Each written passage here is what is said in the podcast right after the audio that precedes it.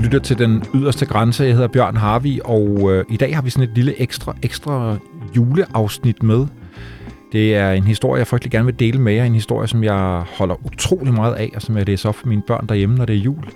Og det er skrevet af vores allesammens skrøne og historie fortæller number one, Jørgen Riel. Og historien hedder Julegåsen.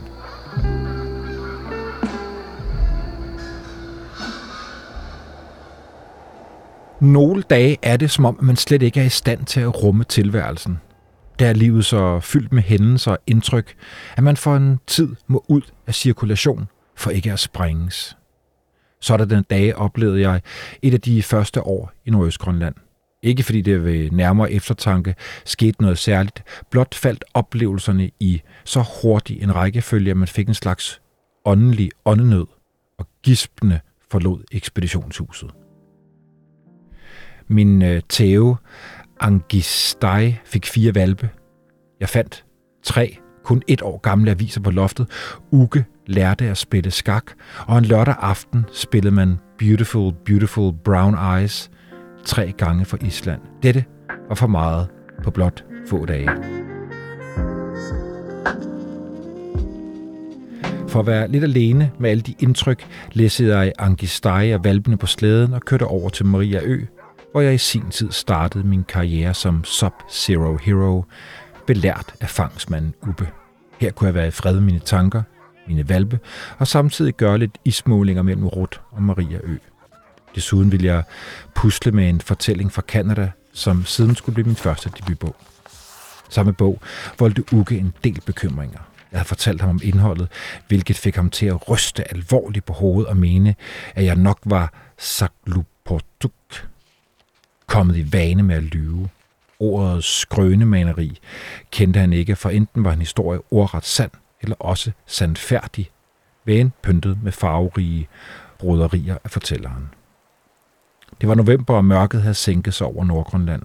Mørketiden er en herlig tid, når man har vendet sig til den et par gange. Man gør alt med knusende god samvittighed. Spiser ofte af meget, fordi det er koldt, og kroppen trænger til god og fed føde. Man sover meget, da det jo er nat hele døgnet og urimeligt at stå op i nattemørke, selvom det er dag. Arbejde påtager man sig i mindst mulig omfang og kun, når lyst og tilfælde er inde. Jeg ankom til Maria Ø og installerede mig i et lille ekspeditionshus med Anke Steyer, hendes valpe. Og en dag, hvor jeg sad og skrev om Pete og hans venner ved Mount Fies, slog en forfærdende tanke ned i mig.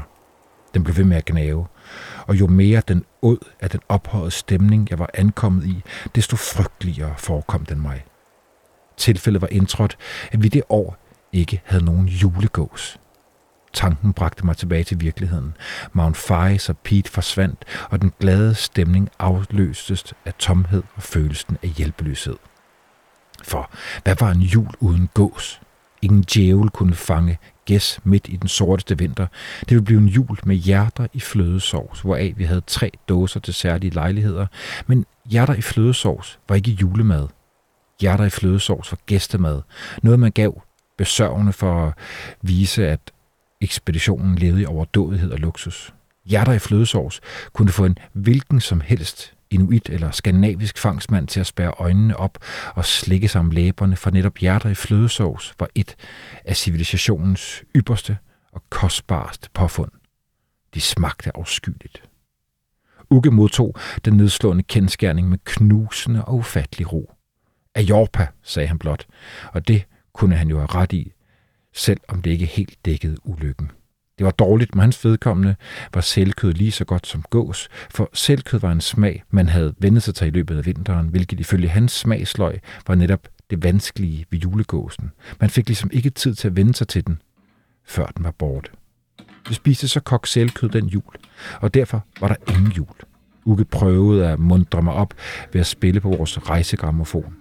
Han havde dagens anledning slebet nålen omhyggeligt, men alligevel lød Doris Day som en hæs version af Louis Armstrong, hvilket skyldtes, at hun havde klemt de samme sange mindst tusind gange, som det uke blev træt i håndledet af at dreje skiven rundt i det rejsegrammofonens fjeder allerede foråret var sprunget. Det første år havde jeg elsket pladen, nu havde jeg den, måske fordi vi kun havde den samme. Det blev en bedrøvelig jul, men alligevel en jul, jeg aldrig glemmer. En jul, som varede til påske og endnu længere. Riding on backbiting and get away with lies. No matter what it takes, always gonna cry. Ud på foråret, længe efter solen var vendt tilbage, kørte Uka og jeg nordpå for at lægge depoter ud til sommerekspeditionen. Det var herligt vejr, stille og lydklart med høj himmel og en sol, der bagte rimeligt. Fuglene var ved at vende tilbage, og vi blev ustandsligt overfløjet af store æderfugle, træk og byer af tjejser og lomvier, der var på vej til fuglefjellene. Så hørte vi pludselig de karakteristiske lyde af gæs.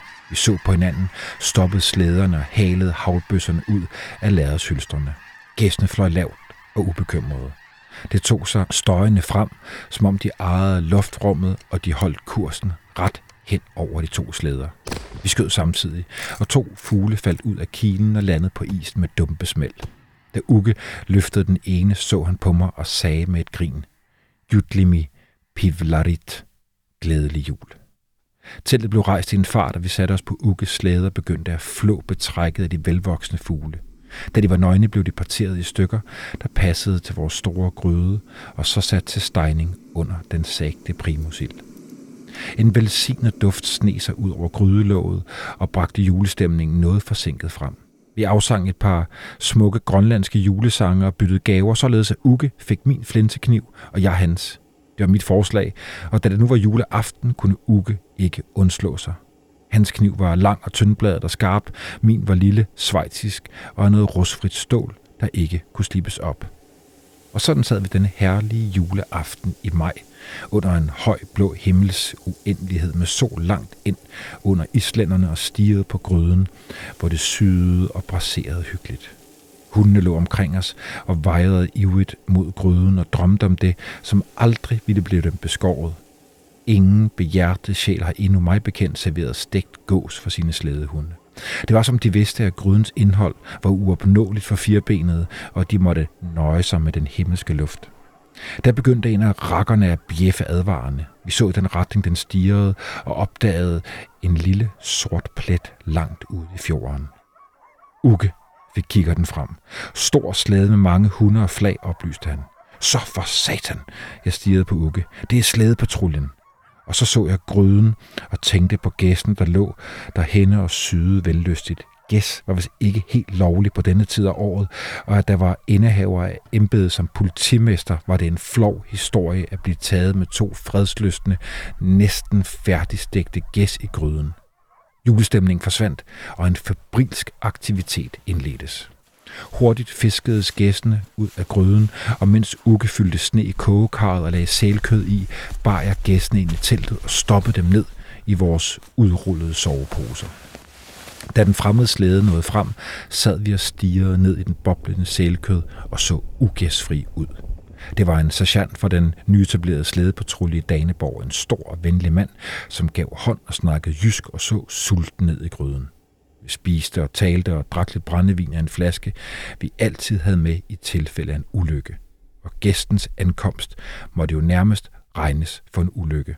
Og så foreslog Uke, at vi gik til køjs. Sergeanten spurgte, om vi havde plads til ham i teltet, så slap han for at sætte sit eget op. Vi havde et stort telt, kunne han se, som rigeligt rummede tre mand. Og således gik det til, at Uke og jeg gik til køjs med hver sin stegte gås. Først forsøgte jeg at undgå hudkontakt ved at trække maven ind og skyde enden tilbage, men posen var for snæver og gåsen fulgte med. Duften sne sig ud af snørhullerne i soveposens hætte, og jeg overgav mig snart endnu en gang til den gode julestemning. Snørrede op og dykkede ned i mørket, hvor jeg stilfærdigt brækkede et lår af. Det smagte himmelsk, for gåsen havde holdt sig varm og sprød mellem dunene. Salig lå jeg dernede i varmen og holdt juleaften helt alene. Jeg gnavede kødet af låret, slikkede benet og brækkede en vinge af. Og jeg mindedes alle mine kager i Danmark og på Fyn, mindes de utallige gæster, min mor gennem tiderne har serveret, fyldt med svisker og æbler. Og det lykkedes mig at genkalde både smagen af svisker og æbler og repgelé, fordi jeg i dette øjeblik var overfyldt med indtryk, og jeg nødvendigvis havde trukket mig tilbage fra verden. Jeg var på randen af salighed, der noget udefra en gang rev mig bort for højtiden. Sig mig, lød sergeantens stemme ude fra virkeligheden. Lugter ikke af stegt gås? Jeg slap forskrækket vingen og stak hovedet ud i lyset. Gås, spurgte jeg. Hvad mener du? Den lange jyde borede blikket ind i mit. Gås, mener jeg. Haha, udbrød jeg. Du må have sovet. Jeg var ikke faldet i søvn, svarede han. Og så rejste han sig halvt op og lyttede mod Ukke sovepose, hvorfra hørtes knasten og grønten og smasken. Uke holdt også juleaften i mørket. Har I skudt gås? spurgte patruljemanden. Og da Uke i det samme stak hovedet frem, glinsten af gåsefedt med et stort grin, gik jeg til bekendelse. Men de er ikke lovlige endnu, påpegede sergeanten. Han rakte ned i sin kørepose og trak en sort bog med voksdubind frem. Vi er ligesom ikke helt redde på, hvilken måned vi befinder os i, svarede jeg mig. Den ene måned øh, tager bare den anden, og vi har ingen kalender på Ellerø. Hvad skriver du for resten af den bog? Hvornår blev den skudt? spurgte han strengt. Tja, øh, der vidste i går, svarede jeg. Uge nikkede bekræftende. Meget fine, store gæs, påpegede han. Er der mere tilbage? spurgte sergeanten. Han skrev endnu et par rader i sin logbog. Jeg lynede soveposen op og kiggede ned. En hel del, indrømmede jeg. Øh, de blev skudt ud af en stor flok, spurgte der. Enorm, svarede jeg, som fløj lavt hen over jer, lige hen over en raketterne. Sergeanten nikkede og skrev igen. Da han var færdig, lukkede han bogen i med et smelt. Frem med gæstene, kommanderede han. Vi halede resterne ud af soveposerne og anbragte dem på proviantkassen. Sergeanten langede med et lykkeligt smil ud over en vinge, satte tænderne i det sprøde skin og lukkede saligt øjnene. Uke fik brændevinsflasken frem, skænkede op og ønskede dytle med Pivelt Duarit Tamavsa glædelig jul til alle.